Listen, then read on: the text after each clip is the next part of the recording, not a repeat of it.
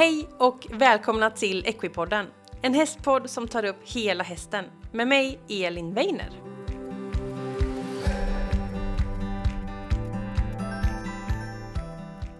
Då var det onsdag igen och jag vill hälsa just dig välkommen till ett nytt avsnitt av Equipodden.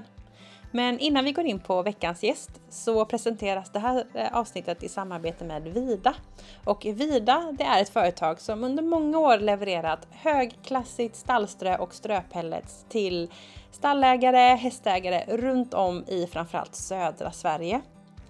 Och eh, deras stallströ är alltid väldigt uppskattat och eh, det används också i annan djurhållning men vi kommer fokusera på ridsport och hästar helt enkelt.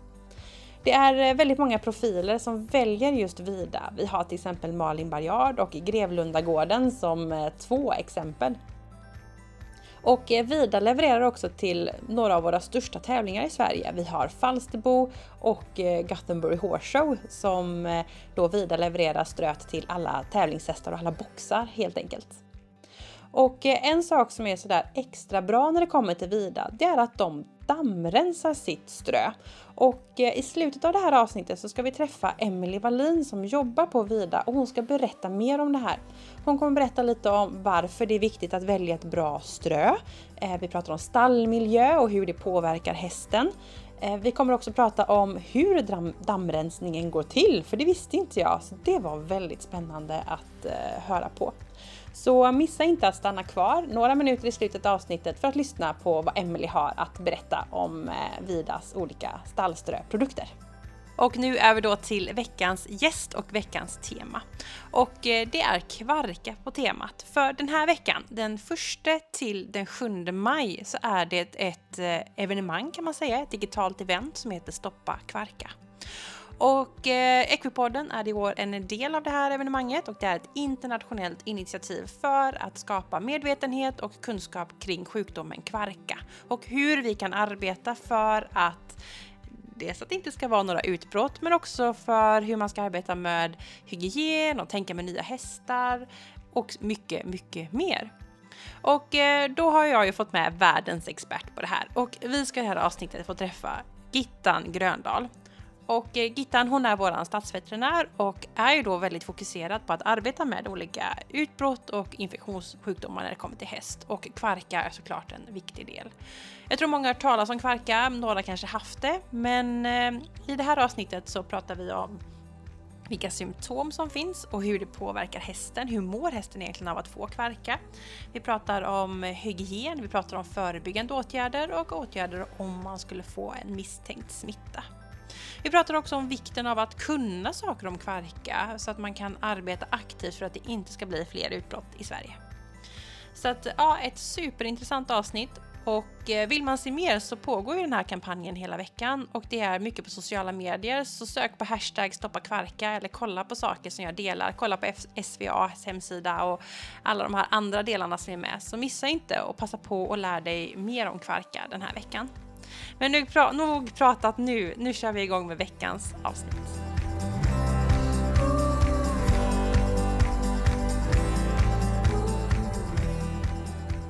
Sådär, då sitter jag med Gittan Gröndal. Hej!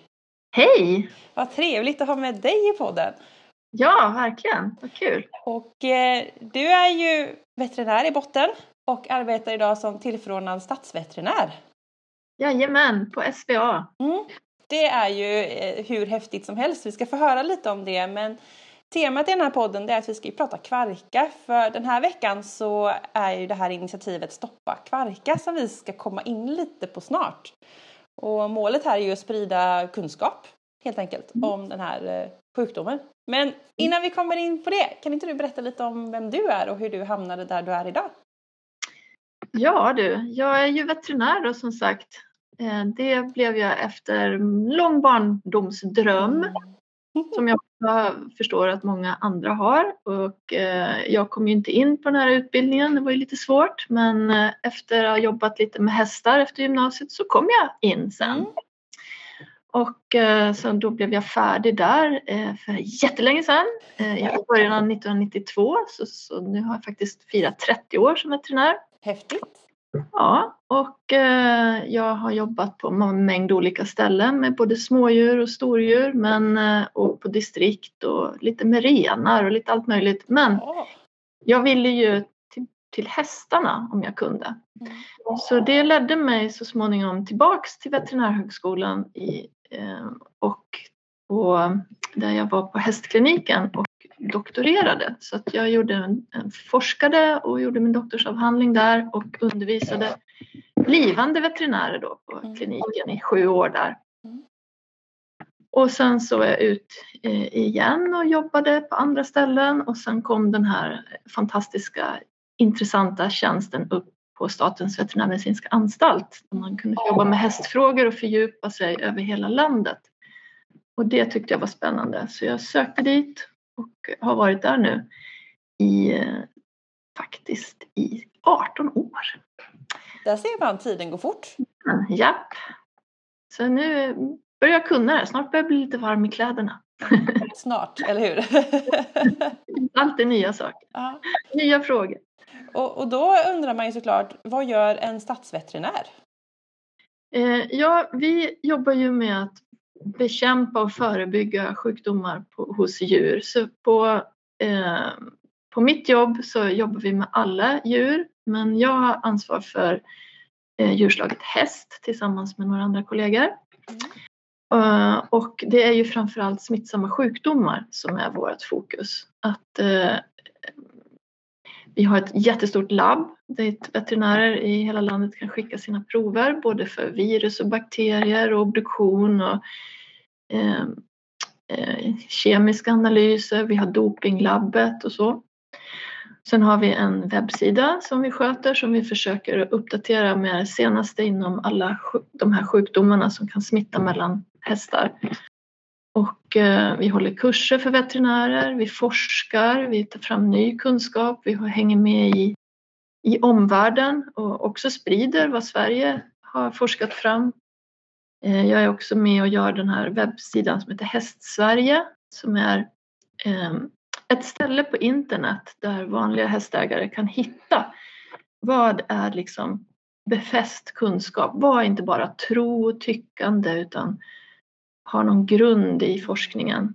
Då är det hästsverige.se som vi tänker ska kunna erbjuda det för det är så mycket på nätet som, som eh, är lite svårt att värdera om det är någon som försöker sälja på en en produkt eller om det är riktig kunskap. Mm. Precis, den är ju väldigt bra. Det finns ju väldigt mycket grejer där också på många olika teman. Ja, det är tänkt att det ska kunna täcka mycket. Det är ju svårt att vara heltäckande men, men lite grann som en bakgrundsuppslagsbok. Och eh, ja, vi har försökt att hitta en nivå som de flesta kan liksom följa med i snacket men även att man kan ibland fördjupa sig och gå in på vad är studierna bakom det här och vad säger forskarna? Lite veta mer och veta mest nivå. Just det. Ja, det är ett tips för lyssnare. Om man inte har varit inne där så kan man gå in på Hästsverige och läsa lite om man undrar någonting helt enkelt. Men det är ju ett ganska stort arbete att göra eh, och mycket att tänka på tänk, eh, i att vara stadsveterinär. Och en del av det du sa, det är ju det här att att arbeta med sjukdomar och stoppa spridning och sprida kunskap såklart. Och det leder ju in på det här som är lite temat med kvarka och stoppa kvarka. Och det här initiativet då som heter Stoppa kvarka som gäller den här veckan. Eh, kan inte du berätta lite om vad det är och hur det uppkom? Ja, vi har ju jobbat långsiktigt med kvarka just väldigt länge för att eh, man visste inte så himla mycket om kvarka för ett antal år sedan. Eh, så bland annat jag och andra forskare i Sverige och utomlands har försökt att ta reda på mer om kvarka och jag identifierar ganska snabbt att det finns en hel del bristande kunskap i Sverige. Så vi startade med lite olika informationskampanjer för många år sedan.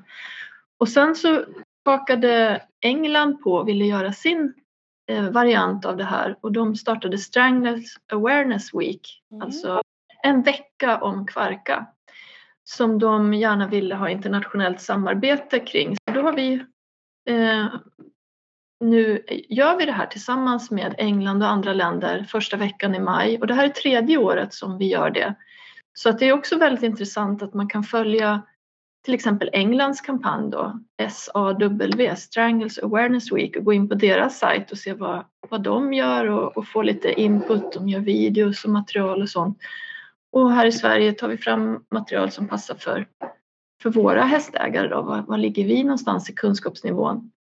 Och det har varit olika teman, till exempel i att lära sig att tempa hästar. För det är A och O för att hitta sjukdom. Eh, att förstå vad sjukdomen är så att man inte blir eh, rädd och, och försöker mörka och tro att, att man är en dålig hästägare om man får en smitta i stallet. Och att man inte heller ska sprida rykten och snacka skit om de som drabbas. För det gynnar inte eh, smitt, att stoppa smittor om man mörkar. Det är mycket bättre att man är tydlig och klar med det för då kan man liksom avgränsa på ett bra sätt och snabbare bli fri från sjukdomen. Eh, och nu har det ju kommit ett vaccin eh, mot kvarka som är hett efterlängtat måste jag säga, mot en sån här allvarlig sjukdom. Och då vill vi gärna vara med och berätta om, om det så att folk känner sig trygga i att eh, börja ändra sina rutiner. För det är alltid lite svårt när man ska ändra på sina beteenden. Mm. Någonting man inte känner till sedan förut. Så det, det är mycket. Verkligen och det är kul att höra att det är ett internationellt eh, projekt eller samarbete. Att det, är, att det ändå är så pass viktigt och någonting som inte bara gäller oss lilla Sverige utan att det är eh, ja, för alla. Nej, men det, det är jätteviktigt för att just kvarka är också en internationell sjukdom. Den kommer in i Sverige hela tiden över gränserna från andra länder.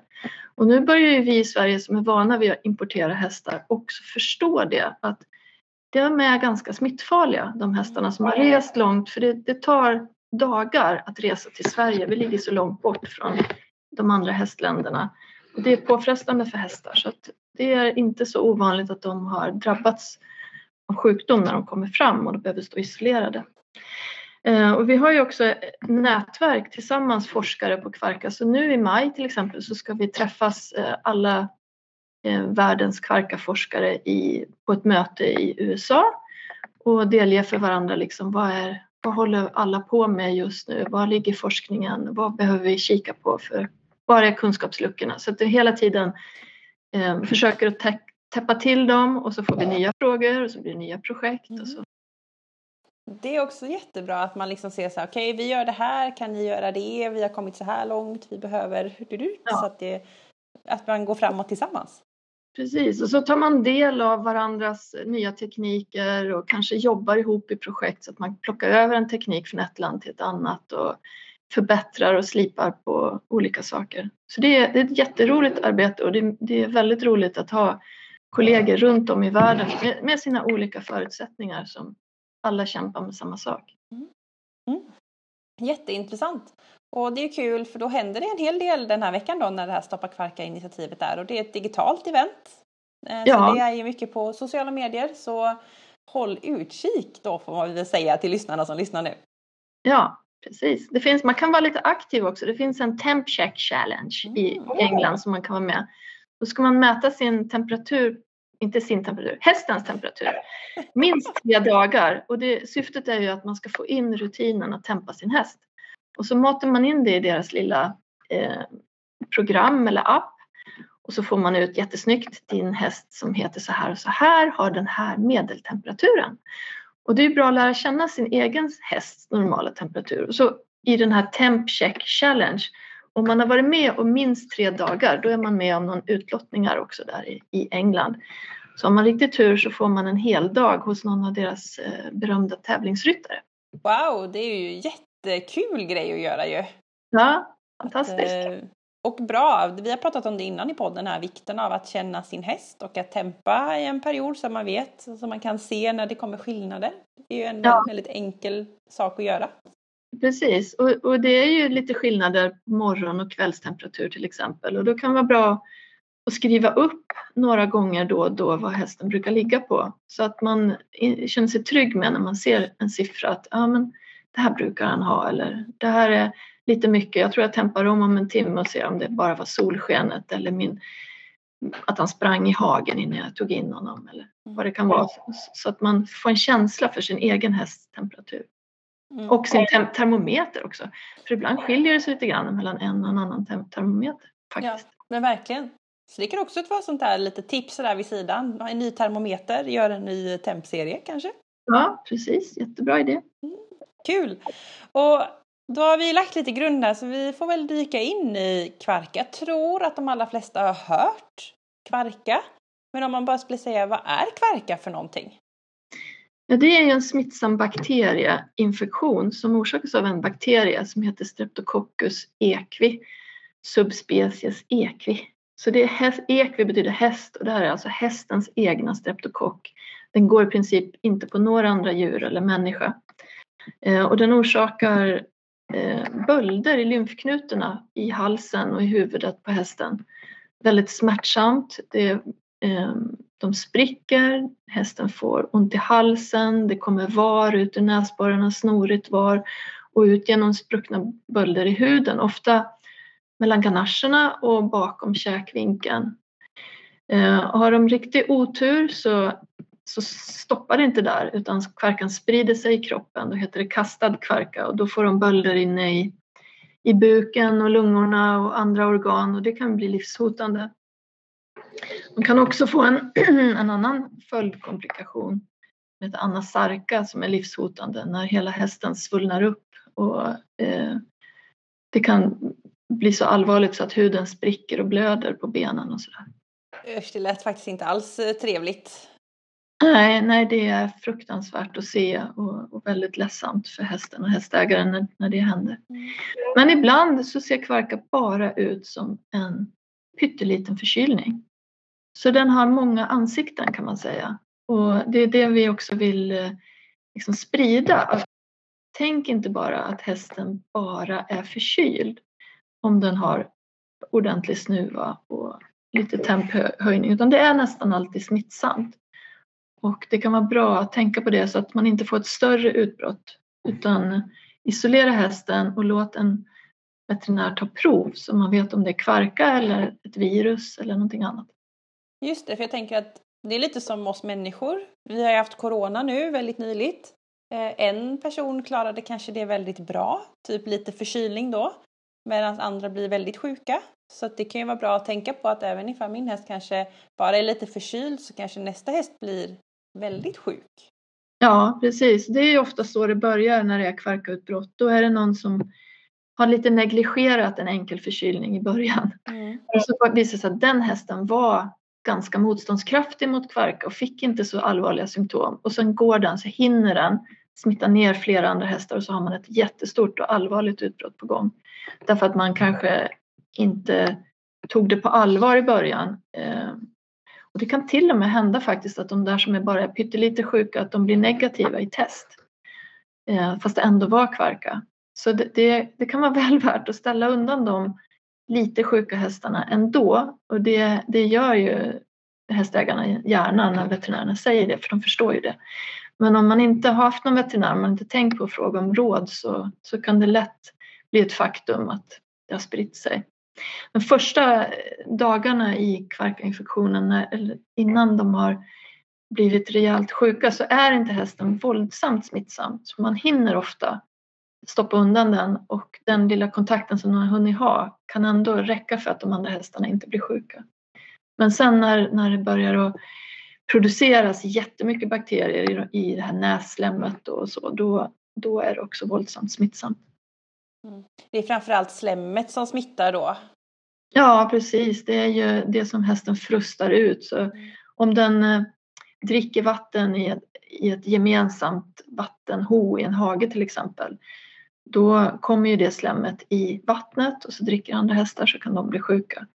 Eller om eh, man tar i hästen och leder den i grimma, klappar den lite och så klappar man på nästa häst på nosen så kan man föra över det med sina händer. Mm. Eller om de står och kliar varandra kanske? Ja, absolut. Ja. Det, det, är nästan... Och, eh, ibland så tänker jag att det är nästan så självklart att man inte behöver säga det, men det, det ska sägas. Att det är såklart hästarna smittar till varandra. Men eh, eh, Så det är därför de ska stå enskilt. Men det räcker inte med att stå enskilt utan de måste också, också byta kläder, ha god handhygien, inte ha samma redskap och sådär. Mm. Det tror jag är en viktig poäng att säga att även om man tycker att ja, den är lite snuvig så här, det går nog bra eller jag vilar från ridning eller sådär men att faktiskt plocka bort hästen från hagen och jag tänker att, att jag som människa kan vara vektor eller bära då den här smittan ja, vidare. Ja, precis. Den kan ju såklart gå i en hage. Det, det är väl bra även när man är sjuk och får komma ut varje dag. Men Mm. att den hagen inte har noskontakt med någon annan och att den hagen bara används av den sjuka hästen. Just det. Och hur lång, tid, hur lång tid tar det här? Vad har vi för, du sa att det är de första tiden inte så mycket smittsamt. Hur lång tid brukar det ta ungefär? Ja, ett normalfall kanske tar en till två veckor sjuk. Men eh, det finns ju hästar som kan vara sjuka i många veckor också när det har blivit komplikationer eller lite allvarligare. Och det finns också hästar i mitt inne i ett kvarkutbrott som bara visade symptom ett par dagar. Så det, det är hela tiden en, en strid mellan bakterien och hästens immunförsvar. Så beroende på hur mycket bakterier hästen fick i sig och om immunförsvaret hann med att städa bort det eller om det blev övertag för bakterierna ett tag, då pågår den här kampen längre. Så ser jag det, för att jag är väldigt intresserad av immunförsvaret och eh, kroppens egna system att bekämpa infektioner. Mm, verkligen. Och jag tänker att det är väldigt intressant att höra också hur du pratar lite om de här symptomen för att oftast när man pratar kvarka eller det kommer upp någon bild eller man söker på en bild så är det just den här extrema snuvan och den här svullna liksom eh, vid ganachen, att det är så här stor Ja, det är väl en böld då, eller bubbla. Liksom. Det är ofta Ja, det man ser. Den här svullnaden är, en, det är lymfknutan som växer och växer och växer för att det börjar bildas en böld i den. Eh, och det är för att bakterierna tar sig dit till lymfknutan. Men i, i, ibland blir det inte så tydligt som du säger, det här skolboksexemplet. Så att eh, när man ser bölder och sår under hakan då ska man alltid tänka kvarka. Men man kanske också ska tänka att det kan vara risk för kvarka vid en förkylning. Precis. Går alltid temperaturen upp också? Nej, inte alltid. Tyvärr. Ingenting är lätt, tyvärr. Ja. Men det är ju såklart ett väldigt vanligt symptom. En bra grej att börja med att tempa hästen. Och om en häst har fått det i stallet så tempar man alla under en längre tid för att se om det dyker upp någonstans. Så man hinner plocka undan de hästarna. Och du sa att, man, att det är bra råd att fråga veterinär. Hur, när ska man ringa veterinär? Är det första minsta lilla? Ska man be veterinären komma? Vad gör veterinären när den kommer och sådär? Om du får en häst med kraftig feber och, och svullna lymfknutor och, och symptom då, då ringer du väl nästa vardag direkt. Eh, det är ingenting man behöver ta ut för på jourtid men eh, man bokar tid för undersökning. Och det viktiga är att man, man själv vidtar åtgärder hemma för att eh, minimera risken för spridning redan där. Så det kan man ju tänka på redan i fredstid så att säga. Vad skulle jag göra om det dök upp, jag brukar säga torsdag klockan åtta på kvällen eh, Och man vet liksom, shit nu kommer helgen och folk ska till olika träningar och tävlingar och, och vi har massor att göra. Vad, vad ska jag göra med den här hästen som står med symptom? Och då, är det, då, då måste man ju göra åtgärder innan helgen. Man kan inte vänta på ett veterinärbesök på måndag. Även om man inte kan få ut veterinär förrän på måndag så måste man ju själv göra saker fram till dess. Precis, det finns en plan. Vi, vi kommer in på det. Men det är bra att ringa veterinär i tid och, och i alla fall på telefon rådfråga. Men Mm. om, när veterinären kommer ut sen om det är en snuva och det börjar liksom växa. Vad, du sa att veterinären tar något prov. Ja precis, man brukar ju, man kan inte se med blotta ögat oftast vad det är för någonting och, och det är ju vanligt att man vill ha det här provet för att få klart besked. Eh, och då är det prov ifrån luftvägarna, antingen en, en slags topp som man använder i näsan eller ännu hellre ett sköljprov som tas så att man får skölja ur näshålan ända bak till halsen. Och det, den vätskan som veterinären sprutar in och sen fångar upp när den rinner ut ur näsan, den skickas in för analys för bakterier. Och då tittar man på Streptococcus equis som är kvarka och Streptococcus zoepidemicus som är en annan eh, streptokock som kan finnas hos hästar. Eh, ofta tas ju också virusprov eh, och då tittar man kanske på de vanligaste luftvägsviruserna som är influensa, EHV1, virusabort och EHV4. Så får man vänta då på provsvar på det, men det brukar inte ta så lång tid. Eh, men efter några dagar så vet man om den här hästen var positiv för något av det här eller inte. Men under tiden så ger veterinären smittskyddsrekommendationer som handlar om de här sakerna med isolering och hygien och informera besök. Mm, precis. Och om jag får tillbaka då att ja, det här var kvarka. Vad är det för behandlingsplan som gäller då? Eh, det, det, är en bakterie och den här bakterien är känslig för penicillin. Så man tänker, bra. åh vad enkelt, då sätter vi in penicillin. Men eh, bakteriens natur, hur den fungerar och gömmer sig i bölder och så, eh, gör att det blir inte alltid så bra som man har tänkt sig med penicillin. Så grund, eh, i grundfallet så behandlar man inte med penicillin utan man låter hästen få läka ut det här själv. Det har visat sig att det ofta blir taktiskt riktigt liksom i efterhand. Det är många gånger som man kommer in med penicillinet, eh, hästen blir bättre och sen så fort man slutar med penicillin så tar det om och så tog allting mycket längre än vad det gjorde, hade gjort om man hade låtit det ha, få, sin, få ha sin gång. Eh, men det finns fortfarande anledning att använda penicillin i, i vissa fall och eh, det, det är veterinären som avgör hur, när, det, eh, när man behöver det. Det kan till exempel vara väldigt tidigt i sjukdomen för då är det lättare att verkligen få bort det. Och så måste man se till att den hästen inte blir återsmittad av vad det nu var för smittkälla från början. Det kan också vara om det har gått ett tag och man har låtit hästen försöka själv, eller immunförsvaret, men det går bara sämre och sämre. Hästen har jättesvårt att äta, har väldigt ont eh, och kanske börjar tackla av. Då behöver ju den hjälp på traven så då får ju de penicillin också. Eh, det, det är väl ehm, en behandling som man kan tänka sig men som inte alltid sätts in. I, inte i majoriteten av fallen. Eh, smärtstillande medel för att den här, det gör så väldigt ont med bölderna i halsen. Eh, man kanske kan behöva tänka på hur hästen utfodras så att den får en bekväm ätställning och eh, om den har svårt att eh, eh, svälja vissa saker så får man tänka på hur den utfodras. Och eh, om den är riktigt, riktigt dålig och har svårt att andas. Den här sjukdomen heter ju kvarka och det betydde en gång i tiden att man har väldigt trångt i halsen. Mm. På engelska heter den strangles som betyder stryparsjukan.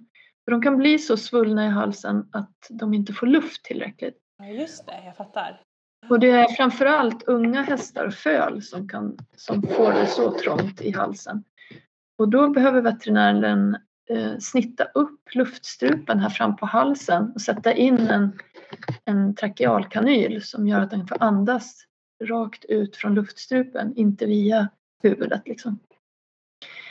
Eh, så det händer ju ibland att, eh, om det är riktigt allvarligt. Svårt, men eh, det finns ju vägar då framåt. Ja, och sen är det jättemycket sårvård för att de här bölderna spricker upp kan orsaka enorma sår som fräter ner huden och vävnaden runt om så det kan bli väldigt soppiga sår och, och det gäller liksom att försöka hålla det rent. Ibland går det att bandagera det så att det inte skvätter för mycket var överallt men oftast inte går det att bandagera. Eh, men att man liksom hjälper hästen med att hålla det rent och kanske också hålla det öppet så att varet får komma ut så att det kan börja läka inifrån. Just det, för det är också en sån där grej om man liksom täcker på att det liksom kan gojsa till sig ännu mer om det är mycket varigt. Ja, i, i, det finns vissa fall när man väljer att packa in den här svullna lymfknutan med våtvärmande omslag för att påskynda eh, att det ska spricka upp. Det, det förekommer också. Det är lite grann från fall till fall hur det ser ut. Men om man får in kvarka i stallet, är det oftast så att det hinner sprida sig? Så jag tänker på de fallen vi har i Sverige. Blir det så att det är många som får det? Eller är vi bra på att lyckas isolera?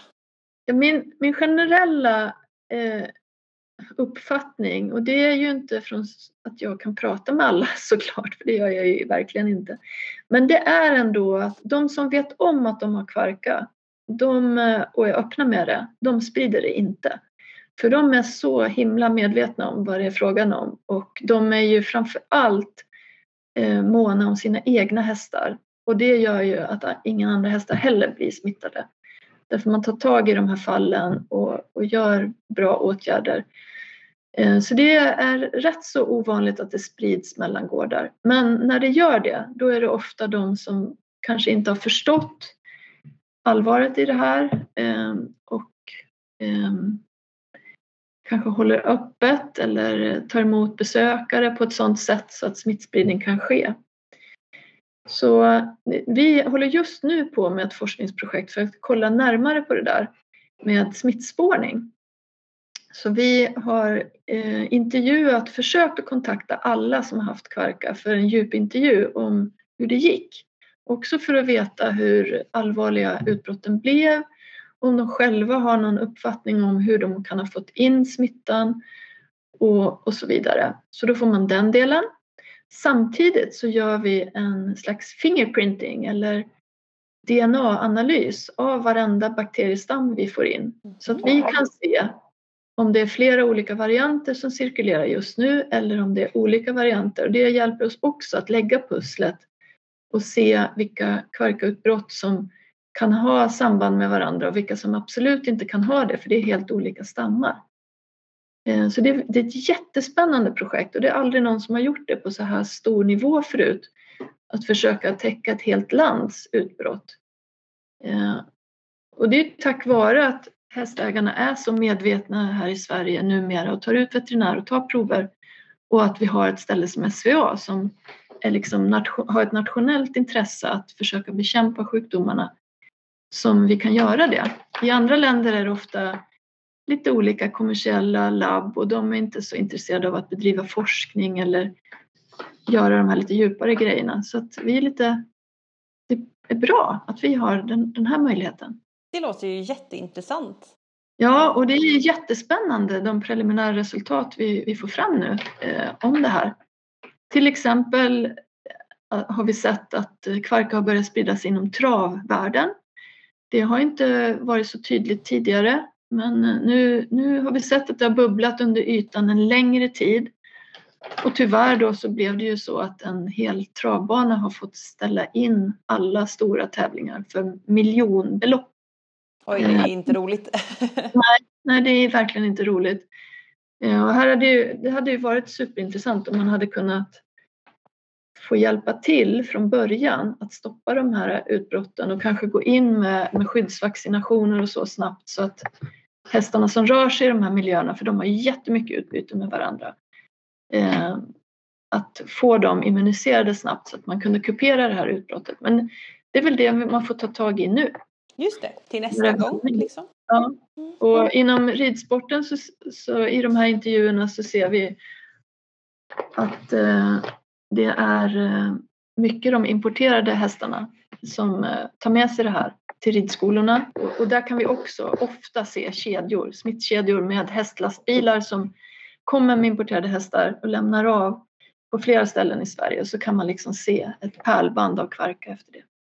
Just det. Och jag tänker att vi har liksom pratat lite om eh, sjukdomen och förloppet och sådär och behandlingen. Vi har ju nämnt det lite granna, men jag tänker om vi skulle liksom pinpointa ner någon slags checklista om jag får en häst som börjar bli snuvig, eh, börjar få feber, som du sa, torsdag kväll, vad ska jag göra? Ja, eh, börja med att se till att den hästen inte kan smitta några andra. Hitta ett ställe i stallet eller utomhus där den kan stå utan eh, noskontakt och fysisk kontakt med andra hästar. Sätt upp mellanväggar om det behövs eller släng ut den på lösdrift eh, ensam eller med en kompis. Eh, sanera de ställena där det kan ha kommit smitta och eh, dina, dig själv och dina kläder. Eh, kontakta veterinär, sätt upp en eh, tempplan för alla hästar i stallet så att gärna den stallansvariga kan se lätt vad alla har för tenn. och, och ha ett litet, en liten information till alla i stallet att nu har vi en häst här som har en misstänkt smitta. Eh, det betyder att ni inte kan åka på träning förrän vi vet vad det här är och det går ju inte heller att uppfylla hästägarförsäkran om att man står i ett stall där det inte finns misstänkt smitta som de senaste tre veckorna. Så det är ju hårda regler på det. Vad, vad innebär det? Hästar... Berätta. Ja, om du tävlar i någon av hästsporterna i Sverige så har alla olika smittskyddsreglementen. Men om man tänker den här podden kanske lyssnar, som lyssnar här, de använder ridsportens, ridsportens TR. Och där eh, har man ju en regel som säger att det är förbjudet att tävla eller starta med en häst eller komma till tävlingsplatsen ens om man har en smitta hemma i stallet eller misstänkt smitta.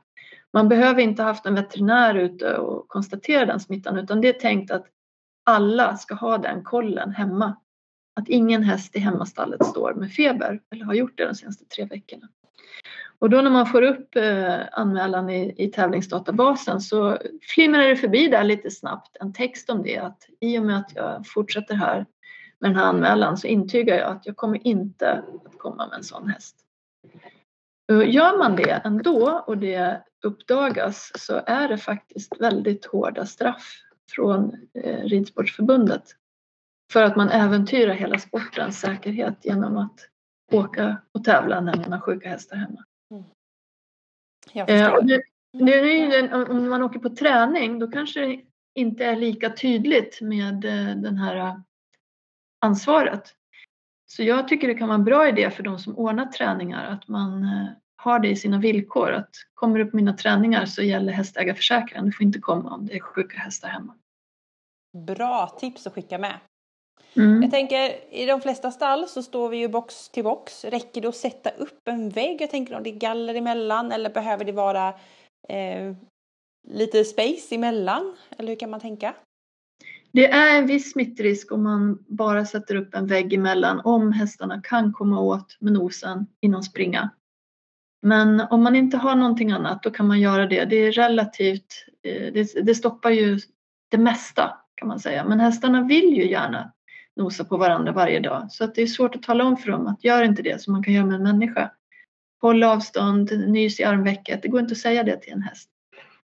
Så det är bra om eh, man sätter upp den där hela mellanvägen och lämnar en box tom åt sidan. Men det, det, jag vet hur många stall är byggda och att de eh, tyvärr inte har lämnat möjlighet att göra rätt när det, när det gäller. Så att, eh, där får man verkligen ta med sig en hemläxa och tänka hur skulle jag göra? För jag, jag vill ju inte att någon mer häst ska bli sjuk och man har chansen där att göra rätt. Precis, jag tänker lite att stallen är ju fulla, det finns ju ingenstans kanske att flytta men det kanske är värt att ha en, en box själv någonstans som får vara ja. förråd annars eller någonting. Ja, det, det kan verkligen vara värt att ha det. Eh, att, att ha genomtänkt, men många stall är ändå byggda i flera olika byggnader och då kan man tänka sig att det minsta stallet man har som kanske har två eller tre boxar som har en egen ingång, det får vara vårt sjukstall. Och då får man ju vara lite mer dynamisk så att de hästarna som står där i vanliga fall, de får flytta på sig. Fast de har mutat in den platsen med skyltar och annat så är det så att ja, men det här är vårt stall dit vi flyttar hästar med misstänkt smitta. Eller det kan liksom också vara att vi har de nyaste hästarna där hela tiden. Och så får de slussas in i stallet men de får flytta på sig om det är någon inne i det stora stallet som blir sjuk. Precis, precis. Och så sa du att man skulle sanera. Vad ska man tänka mm. på? Eh, det gäller ju att skrubba rent ytor där hästen kan ha snorat. Eh, Räcker det med tvål och vatten? Ja, med, med såpa och vatten. Då får man ju bort det mesta. Eh, sen kan man ju avsluta det med något desinfektionsmedel men det, det viktiga är faktiskt den där gnuggtvätten. Och kläder i tvättmaskinen, 60 grader. Mm. Man brukar ha såna här virkon som man får trampa ner med skorna. Ja, det kan man ha, men det är, det är liksom en låg nivå av säkerhet. Så att om du är inne hos en häst med kvarka så ska du inte trampa omkring med de skorna helt enkelt på andra ställen. Utan bättre att hoppa in i några stövlar där vid gränsen och låta de stövlarna vara kvar i den smutsiga zonen hela tiden. Det är bättre. Det är ju bra för jag tänker att många, jag vet att många stall har just den där virkonbaljor ska ut och så tänker man det här, nu har vi gjort något jättestort. Men då är det, mm. då är det inte så. Inte om man eh, ska vara riktigt noggrann. Om man, om man vet att man har smitta på ena sidan gränsen då, då ska man byta skor tycker jag eller använda rejäla stövelskydd som går upp en bit på benen när man väl har kvarka. Eh, men om man gör det lite allmänt, alltså så att där går gränsen till den här isoleringsavdelningen och sen för resten av hästarna som är den så kallade gröna gruppen, som inte ännu är sjuka, där kan man ju använda sig av fotbad för att bara lite allmänt få ner smittrycket. Men det, det förslår inte om man verkligen har gnuggat in bakterier i sina skor. Jag förstår. Och det gör man ju ofta när man går i, i torv eller bädden och sådär. Så jag antar ja. att det är mycket. Hur ska man tänka med spånet? Är det i boxen? Eh, det mockar man ut. Allting? och det är ju smittfarligt så att du får inte låta andra hästar nosa och trampa i det spånet. Eh, och eh, om, om man har en gemensam gödselstack så får man verkligen fundera på vad ska man göra av det här spånet eller halmen. Därför att det kanske du tippar din kärra där och sen kommer någon annan och tycker att jag ska fixa lite på den här dynghögen och så trampar den i det och, och grejer runt och så går den in direkt. Då är den gått i den här smittade spånet eller halmen. Så det är bättre att tippa det där ingen ska gå eller göra ett, ett litet hål i dyngstacken när man ska tippa åt den här hästen och sen så täcker man över det med annan dynga. Så att det inte blir så att någon går i det. Också en bra sak att tänka på helt enkelt, dela upp gödselstacken. Ja, så om du använder samma kärra eh, som har varit inne i, i den smittade boxen, då kommer ju den på olika sätt att korsa vägar och den kärran ska ju absolut inte in i någon annan box sen. Utan då, man, man ska köra med egna grejer. Har man bara en häst så kanske man kan ta en kompostkorg eller någonting och mocka i den så får det vara det under smittiden. Eller Fast det kan ju bli lite tungt så då kan man bättre ha två kärror där den ena är rödmärkt får bara användas i smittade delen av stallet. Mycket att tänka på såklart. All utrustning och, och, och det då. Och det är väl nästan som vanligt att det är bra att, ha, att hästen har en egen borste och, och allt sådär så att det inte sker för mycket delning. Eh, ja, i vanliga fall är det ju bra att ha den nivån hela tiden. Men när man inte har en smitta i stallet så, så, finns det ju inte heller någon smitta som kan överföras mellan hästar. Och de kanske ändå träffar varandra och hälsar på varandra i stallgången och så. så de är ändå det som finns där, det sprids mellan hästarna helt enkelt. Även om man har egna borstar. Mm, precis. Och även samma sak i hage då, att se till ja. att ingen... Hur, hur många meter, är det, är det något sånt man behöver tänka på? Hur många meter det kan vara bra att ha? Har man en sån rekommendation? Kvarka är ju lite snällt på det sättet att det sprids inte så långt med luften. Det sprids så långt som en häst kan hosta med sina och, och de är tunga droppar som faller ner väldigt nära mulan. Så att det räcker med några meters zon till nästa hage. Men, men vi vet ju vad hästar hittar på när man går in och ut med dem och så att de gärna drar lite i grimskaftet och går förbi och hälsar på kompisarna och så. Så mm. det är mycket att tänka på när man släpper in och ut. Att det inte får inte ske någon noskontakt på vägen till och från hagen heller. Just det, och det här som är nu när vi spelar in det här, den här första fina grästuvan som alla ska ner i va? Där är också ja. en smittorisk då. Ja, ja, det kan det ju vara. Ja, intressant. Och det här är det vi pratat om nu, det är om vi misstänker en smitta och då Ja, jag har, jag har faktiskt gått in lite på att nu, de här råden är ju när, Precis, för en smitta också. när man misstänker en smitta eller har konstaterat en smitta. Precis. Inte till vardags gör man kanske alla de här sakerna. Nej precis, för jag tänkte att vi kunde komma in lite på det, det här med ett förebyggande arbete. Eh, vi nämnde lite vaccination, vi nämnde lite, ja, men lite allmän eh, Eh, vad heter det, eh, lite allmän tankar kring hygien. Och ja. Eh, vi pratade om importerade hästar och zoner ut och in. Vad, vad är rimligt att man kan förvänta sig att varje stall ska ha för plan? Och dels eh, för ja. smitta och eh, i det vardagliga arbetet? om jag får vara med och bestämma, då har man en plan att man alltid har ett välkomststall för nya hästar där de får stå i tre veckor med e-, egen skötsel och egen hage. Får landa lite grann ifrån den här flytten. Hästar är inte maskiner, så varje flytt är för dem en omställning som sänker deras immunförsvar. De blir mottagliga för saker och det kan ha hänt innan de kom till stallet, det kan hända när de kommer till stallet, att de får en dipp. Och då kan det vara bra att de får ta det lite lugnt i det här välkomststallet. Man hinner kolla dem, man hinner se de, hur de mår de närmsta veckorna. Eh, och de kan ju såklart ridas och sådär om man vill, men även när en ny häst kommer till ett nytt ställe så kör man kanske inte hårt från början. Eh, så tre veckors eh, välkomststall. Men då behöver man inte tänka på kläder och så utan det är Nej, det, det beror på hur hög risk man tycker att den här hästen har. Är det en importerad häst, absolut, kör egna kläder på den. Ehm, I alla fall om man har minsta symptom. För då är det så himla skönt om det bryter ut någonting sen att man vet, vi har hållit våra barriärer hela tiden. Det här kommer nog inte att gå över på de andra hästarna. Och det är så vansinnigt skönt. Det finns många som kan berätta om det, att de har lyckats begränsa kvarkutbrottet till en enda häst. Och för den hade stått, den, den fick de här symptomen redan på isoleringen, på karantänen eller vad man ska säga. Eh, och det blev aldrig något mer. Och det är en jätteskön känsla att ha när man har en smittsam. Det kan ju vara virusabort eller någonting annat otrevligt också. Så sköt den lite avskilt, stå tre veckor där, slussa in den. Eh, en bra rutin kan vara att tempa hästarna regelbundet. Eh, det kan man, en del gör ju det vid varje dag. Eh, men åtminstone all, alltid när man ser att hästen är lite loj eller inte har ätit eller så, så ska man ha den rutinen. Eh, Ja, när du är ute och åker, inte låna andras prylar, inte hålla i andras hästar utan att sprita dina händer mellan i så fall. Eh, hålla dig på din kant, inte låta dem nosa på varandra om de är från olika anläggningar. Det är väl lite vardagstips. Och om vi kommer till vaccination så eh, är det ju väl befäst i Sverige att man vaccinerar mot influensa varje år. Och förhoppningsvis så blir det ju det med kvarka också.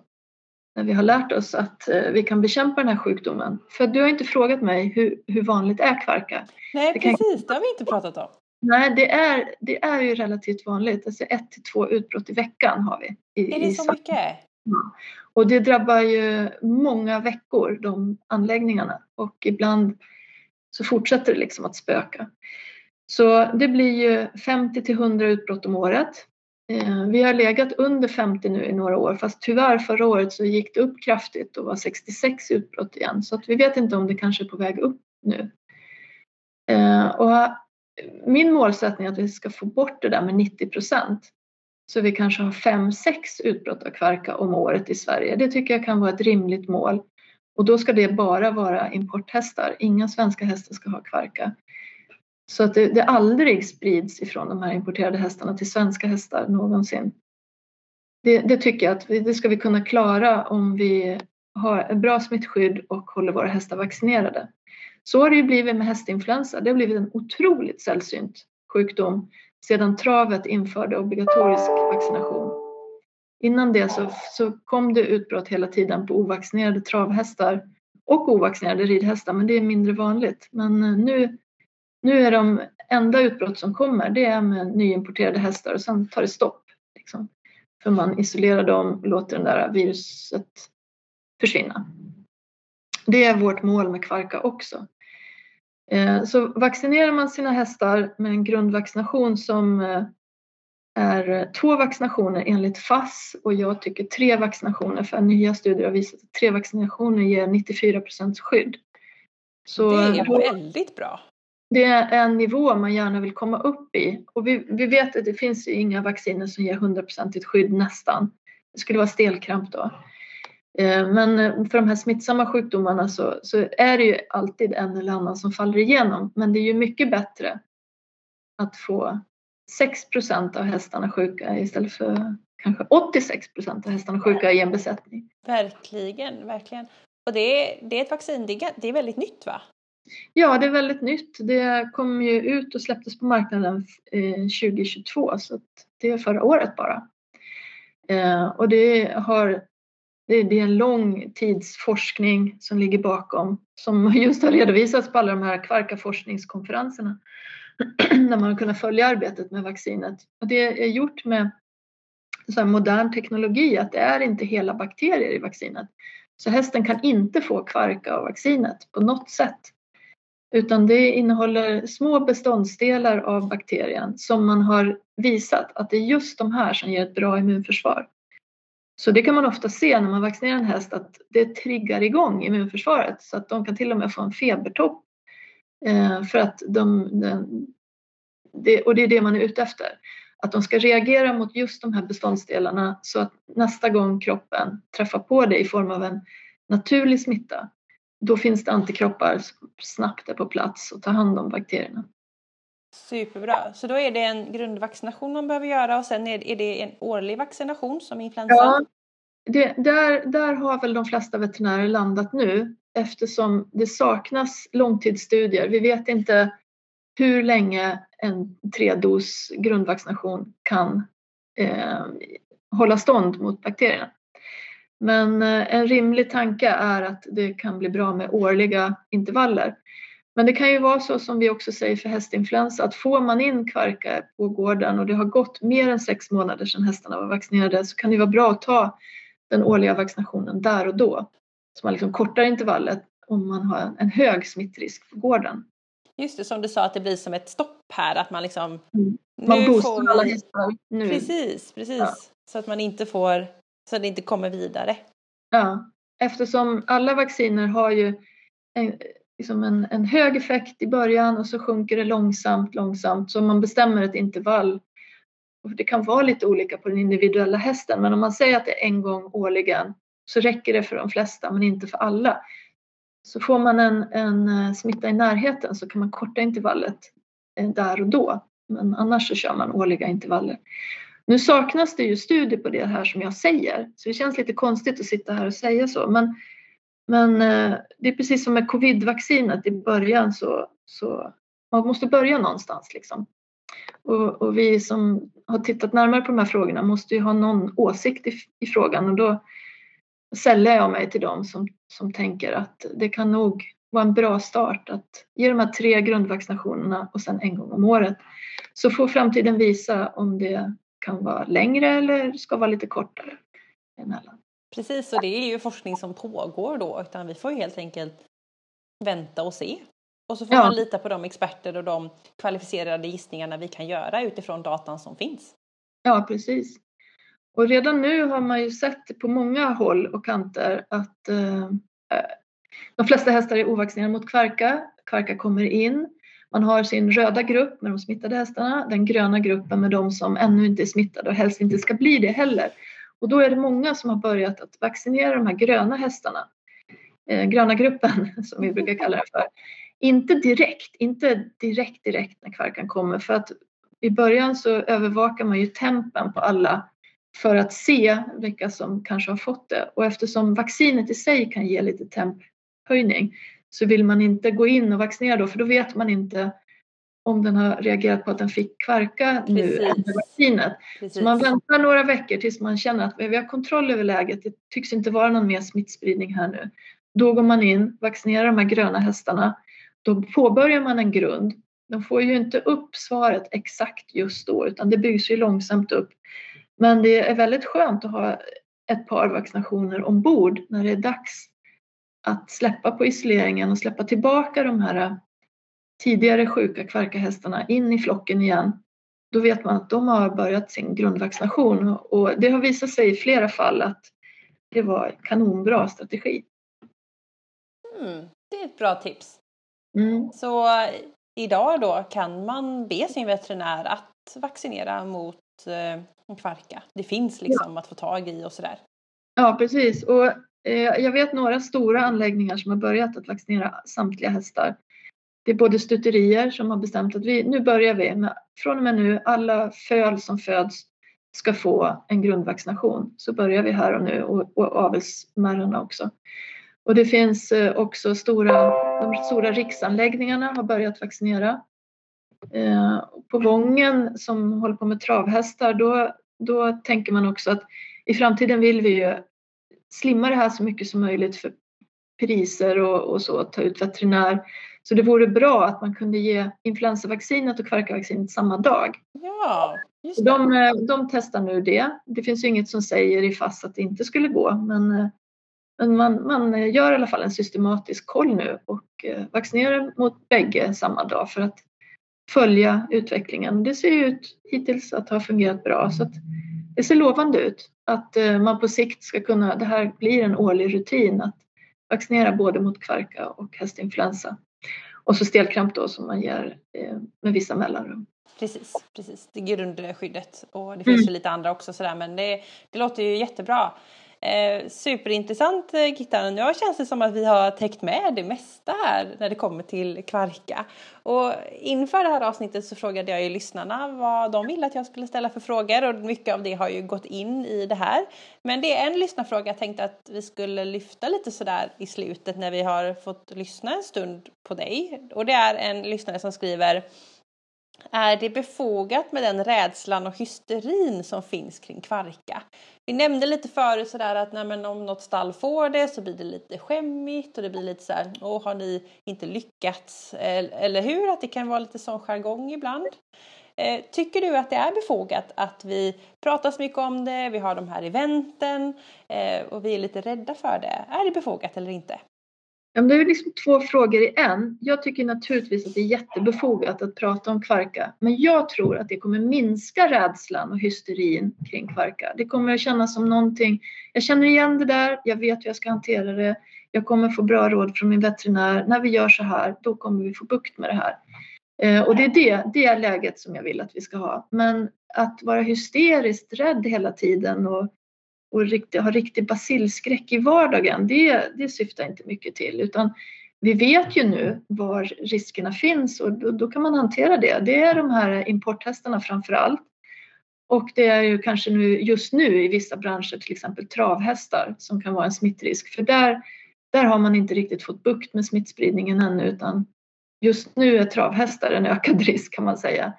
Eh, men annars så är det de importerade hästarna och, och som eh, som är den stora risken. Och de kvarkautbrott som talar om att de har kvarka, de är inte någon större risk för att då vet vi också hur vi ska hantera det. Byt kläder och skor, hantera, de sjuka hästarna ska bara vissa människor hantera. De andra ska inte vara där och gnässa och besök inte de ställena med din egen häst förrän allt är över. Och om någon, om någon får kvarka, skicka tummen upp och hjärtan och så och förstå att det är tufft för dem och det blir ett hårt jobb ett tag med alla klädbyten och all oro som det kan vara att de egna hästarna ska bli ännu värre sjuka och så. Så var kamratliga och skicka pepp till de som blir drabbade men inte hänga ut dem och snacka skit. Mm. Jättebra att lyfta tycker jag, att vi måste hjälpa varandra och stötta varandra i, i allt med hästvärlden. Vi alla vill ju bara det bästa och Ja. Att det har blivit, råkat bli behöver inte betyda att man har gjort något fel. Nej, det, det, alla gör ju sitt bästa men ibland har, kanske man inte visste riktigt hur man skulle agera och det är därför de här kampanjerna är bra för då vet man lite bättre och kan känna sig lite tryggare i hur man jobbar i sitt stall. Och, och det kan vara bra att ta upp det här med smittskydd på ett stallmöte i alla stall och, och diskutera igenom vad gör vi torsdag klockan åtta? Den första hästen. Liksom, vad, hur ska vi göra i det här stallet? Så kan man kanske skriva det i sitt stallkontrakt och, och så utan att det ska bli hysteriskt. Det blir mindre hysteriskt när man har pratat om det i förväg. Verkligen. Och då kan man göra det här poddavsnittet som grund. Det är ju helt fantastiskt. Ja, eller hur? Ja. Och nu har vi pratat på hur länge som helst så jag tänkte att vi skulle avrunda lite grann. Det har ju varit ett avsnitt fullt med fakta och information och massa bra tips och tankar. Och um, om man vill läsa mer så kan man i alla fall den här veckan hålla utkik på sociala medier med Stoppa Kvarka-initiativet. Eh, det finns ju också lite information på nätet, lite hemsidor och så, eller hur? Ja, visst, uh, de där inläggen kommer man säkert att hitta om man söker på hashtag Stoppa Kvarkan. Uh, och sen på sva.se och hästsverige.se så finns det alltid massa information om smittskydd och kvarka och råd och vad jag säger den senaste forskningen och så. Eh, och eh, även Ridsportförbundet har mycket om smitta och trav, Svensk Travsport har också det på sin webbsida. Så det finns en hel del källor. Och just den här veckan så är det också så kul att flera av de stora hästsporttidningarna kommer låsa upp alla sina artiklar om kvarka för att verkligen göra en boost, att man eh, kan liksom följa trådar och se vad som har sagts och andra intervjuer och sånt som har gjorts förr går ju att hitta nu under Precis, den här det är också superbra att man kan gå in och läsa på nätet eh, saker som har skrivits innan. Det är ju också hur bra som helst för att det här är ju ingen det är ju inget som ändras, alltså symptomen är ju symptom. liksom. ja, ja, precis. Ja. Det kan vara intressant att följa, liksom, ibland så beskriver olika eh, hästägare hur det var för dem och det, då, då får man kanske lite så här, man kan känna att det där hade ju kunnat vara jag. Vad hade jag gjort? Precis. Ja men eh, helt fantastiskt. Eh, då får jag säga så jättestort tack Hittan för att du vill vara med i Equipodden och berätta om kvarka. Ja, tack så mycket. Hej!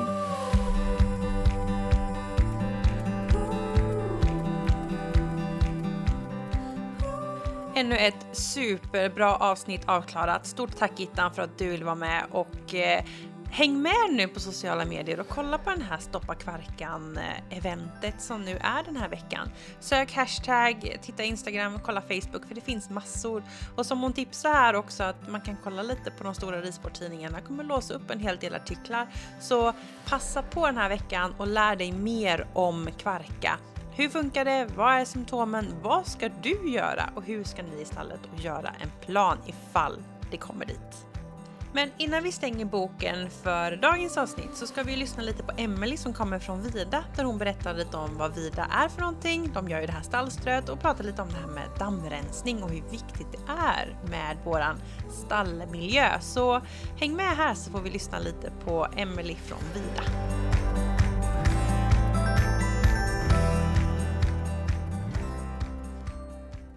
Så, då vill jag hälsa välkommen Emelie Wallin från Vida. Hej Emelie! Hej! Hur mår du? Ja, jag, mår, jag mår bra. Hur mår ja. du? Ja, men det är bra tack. Och vi ska prata lite om Vida idag och som vi hörde lite i intro till det här avsnittet så är det väldigt många stora profiler som väljer just stallströ från Vida. Och mm. Emelie, kan inte du berätta lite om varför du tror att så många väljer just Vida? Ja, precis. Alltså jag skulle tro eh, framför allt att det är för att vi har en jämn och eh, hög kvalitet. Eh, och sen är ju vårat eh, spån dammrensat och helt fritt från eh, kemikalier och impregnerat virke. Eh, och detta gör ju att det blir ett naturligt val och speciellt eh, för högpresterande hästar och hästar med eh, luftvägsproblem. Precis, och det är ju två jätteviktiga saker här. Dels jämn kvalitet så man vet vad man får och sen det här mm. med prestation för våra hästar är ju verkligen toppatleter. Och ja, då är det ju viktigt att tänka på vad man väljer att lägga i boxen för hästarna står ju där lite granna. Men kan du inte berätta lite mer om just det här med eh, dammet och luften och varför det är så viktigt för våra hästar? Mm, ja men absolut. Eh, stallmiljön är ju väldigt viktig eh, och det handlar ju om att dammpartiklar och dålig luft i stallet kan eh, påverka hästens luftvägar negativt. Eh, ammoniak utsöndras i urinen och det kan ju då irritera slemhinnorna i luftvägarna. Eh, därför är det viktigt att det materialet vi strör med har så bra uppsugningsförmåga som möjligt. Eh, och dammpartiklarna filtreras ju i näsan, det gör det även hos oss. Eh, men det kan ju vara vissa små partiklar som följer med ner eh, i de nedre luftvägarna hos hästarna. Och det kan ju skapa problem eh, och det kan även bli kroniska problem. Eh, så det är väldigt viktigt att man tar stallmiljön på allvar då. Verkligen. Mm. Mm. Eh, och en bra kvalitet av ströet är ju viktigt eh, för alla hästar egentligen. Men det känns ju extra viktigt för högpresterande hästar. För de förväntas ju att prestera på en hög nivå hela tiden. Eh, det är ju inte bara i stallet som eh, hästarna ska ha en bra miljö utan det är även i transporten och när de eh, ja, transporteras. Och då är det väldigt ofta begränsad ventilation och så. Så det är också viktigt att man tänker på vad man har för strö då. Precis, jätteviktigt. Ja, och sen så har vi även ja, när de står på tävlingsplats. Och då står de ju oftast inne i boxen, alltså största delen av dagen. Eh, och då mockas det ofta flera gånger per dag för att hålla rent. Så då är det också väldigt viktigt att man inte rör upp så mycket damm som irriterar och så då. Precis, och just när man är iväg på tävling, det är ju då man förväntas prestera sådär allra, allra bäst. Och Ja, är, om, om man mockar alla boxarna många gånger så är det mycket rörelse i luften, så då är det ju extra Mm. viktigt tänker jag. Ja, absolut, det är det ju.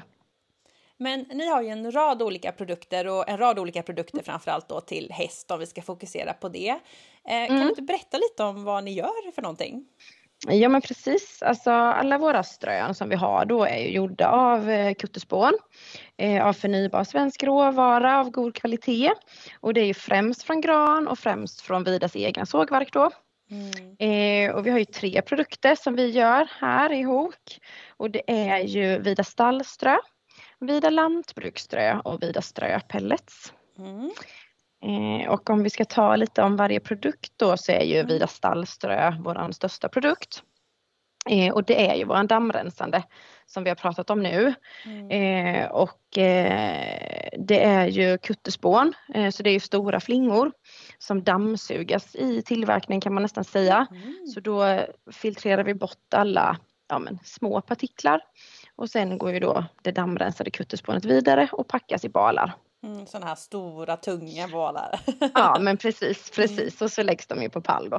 Mm. Perfekt. Eh, och sen har vi en till, eh, alltså i ja, balformat då eller vad man ska säga. Mm. Och det är ju Vida lantbruksströ. Mm. Det är ju vissa hästägare som använder den produkten också. Men den är ju egentligen främst framtagen till ja, lantbrukare då. Mm. Det är många som har kor och grisar och så som gillar den. Och skillnaden, ja, och skillnaden där är ju att den inte dammrensas. Mm. Utan man vill ha lite mer fina eh, partiklar då. Och Mm. det är ju att då går kutterspånet in i produktionen och så krossas det. Mm. Och så åker det då ner i balen och packas. Och då blir det ju ett väldigt fint och mjukt strö men det har lite bättre uppsugningsförmåga i och med att det även det är lite damm kvar då. Mm. Och sen eh, blir det ju att det ligger mer still för om man tänker kossor och så står ju oftast i spiltor eller kanske på Mm. lösdrift och då vill man inte liksom att spånet ska flyga iväg. Just I en det. box då blir det ju lite mer alltså, ja, cent- ja, koncentrerat eller så då ju. Mm. Mm. Mm. Intressant. Ja, och vi har ju, ja, lantbruksrätt kanske inte är någon jättehästprodukt då, vissa väljer ju den, men det är ju väldigt viktig produkt för ja, lantbrukare och även sådana som har mjölkdjur. Mm. Eh, för då är det väldigt viktigt att det inte, ja, men att det är ett bra strö, för har man typ stickor och så i som kan bli om man gör liksom Mm. lantbruks av en restprodukt, då kan ju det skapa juverinflammation och sådär och då kan man ta tillvara mjölken. Ja. Nej, precis. Mm. Så det är en väldigt uppskattad produkt faktiskt också. Mm. Kul att höra. Ja, absolut. Eh, och sen har vi våran ströpellets också då. Och det är ju också gjord på kutterspån. Mm. men eh, vi eh, gör, ja men pack, alltså pelleterar den då. Mm. Eh, så att den är ju inte, ja man gör inte så mycket med den innan utan den krossas och mals och sen liksom pelleteras. Mm. Och det är egentligen en smaksak har vi upplevt vad man föredrar om man väljer ströpellets eller stallströ. Mm. Ströpelletsen behöver man ju blötlägga innan man Mm. lägger in den i boxen då. Just det. Eh, sen har det en väldigt bra uppsugningsförmåga och många som väljer den tycker att den är väldigt lättmockad och lättarbetad då. Precis, den den, har ju är blivit- inte, den är inte så stor och otymplig när man ska Nej, bära och flytta Nej, men in den är så. ju inte. Mm. Nej men så är det ju. Alltså en pelletsäck väger ju 16 kilo ungefär Mm. och eh, balarna då på stallströ väger ju 23. Mm. Så det är lite skillnad och den är inte riktigt lika otymplig. Den är ju lite lättare att bära och hantera. Precis. Precis. Ja men viktigt. Och den här Mm. dammrensningen då, det är som en dammsugare. Ja precis, alltså det är stora Häftigt. cykloner då där det går runt liksom. Ja, Ja. så suger man ut dammet då. Så Ja. får man bara liksom spånet kvar. ja, själva kutterflingan då. Ja, precis. Mm. Superviktigt. Och eh, en Mm. sak som jag också vet som är väldigt bra det är att ni levererar i vissa områden. Kan du inte berätta lite om det? Ja, men precis. Jo, men det gör vi ju. Eh, vi levererar ju alla våra produkter då och det är ju i stort sett fram till dörren om man önskar Mm. det. Perfekt. Eh, och det är ju in, ja, precis. Och det är inom vårt leveransområde. Och det är framförallt södra Sverige och en, ja, mellersta Sverige kan man säga också. Mm. Vi har en väldigt bra funktion på vår hemsida på webbshoppen där. Om man är osäker på vart vi levererar exakt så kan man gå in och skriva in sitt postnummer. Mm. Så får man svar direkta om det ligger i vårt leveransområde eller inte då. Det är ju perfekt för stallägare eller kollektivstall som behöver köpa in Mm. liksom ganska mycket Så slipper ja. man det här att eh, konka runt och hålla på. Ja men precis, det är ju jättebra. Och vi har ju leverans inom tio arbetsdagar. Oh. Så då ringer vi alltid innan eh, och skulle man inte svara eller så så skickar vi ett sms. Mm. Eh, och sen eh, har ju vi en påhängstruck på lastbilarna. Mm, en liten så sån bra. dieseltruck. Ja, så de sköter ju sig själva, chaufförerna. De är så duktiga. De kan det? ja, de ja, kan det. Hur bra som helst. Ja, mm. men det här var ju jättekul att höra och jag visste faktiskt inte hur man dammrensade så nu har jag lärt mig Nej. någonting nytt och det gillar ja. jag att göra. Så mm. uh, jag får säga jättestort tack Emelie för att du ville vara med och berätta lite om det i podden. Ja, men tack själv. Ja, så intressant att höra och det är ju viktigt med stallmiljö och det vi lägger i boxen, där står ju hästarna. Så att, eh, tack så jättemycket Vida för att ni vill vara med och presentera det här avsnittet av Veckopodden. Och eh, du som lyssnar, kika gärna in på Vidas sociala medier för de lägger upp lite spännande grejer där faktiskt ibland. Och när ni ändå är inne där då, kika Stoppa Kvarkan, kika Equipodden för det händer roliga grejer på sociala medier. Och eh, ja, så länge så får jag önska dig en fantastisk vecka så hörs vi snart igen. Hej då!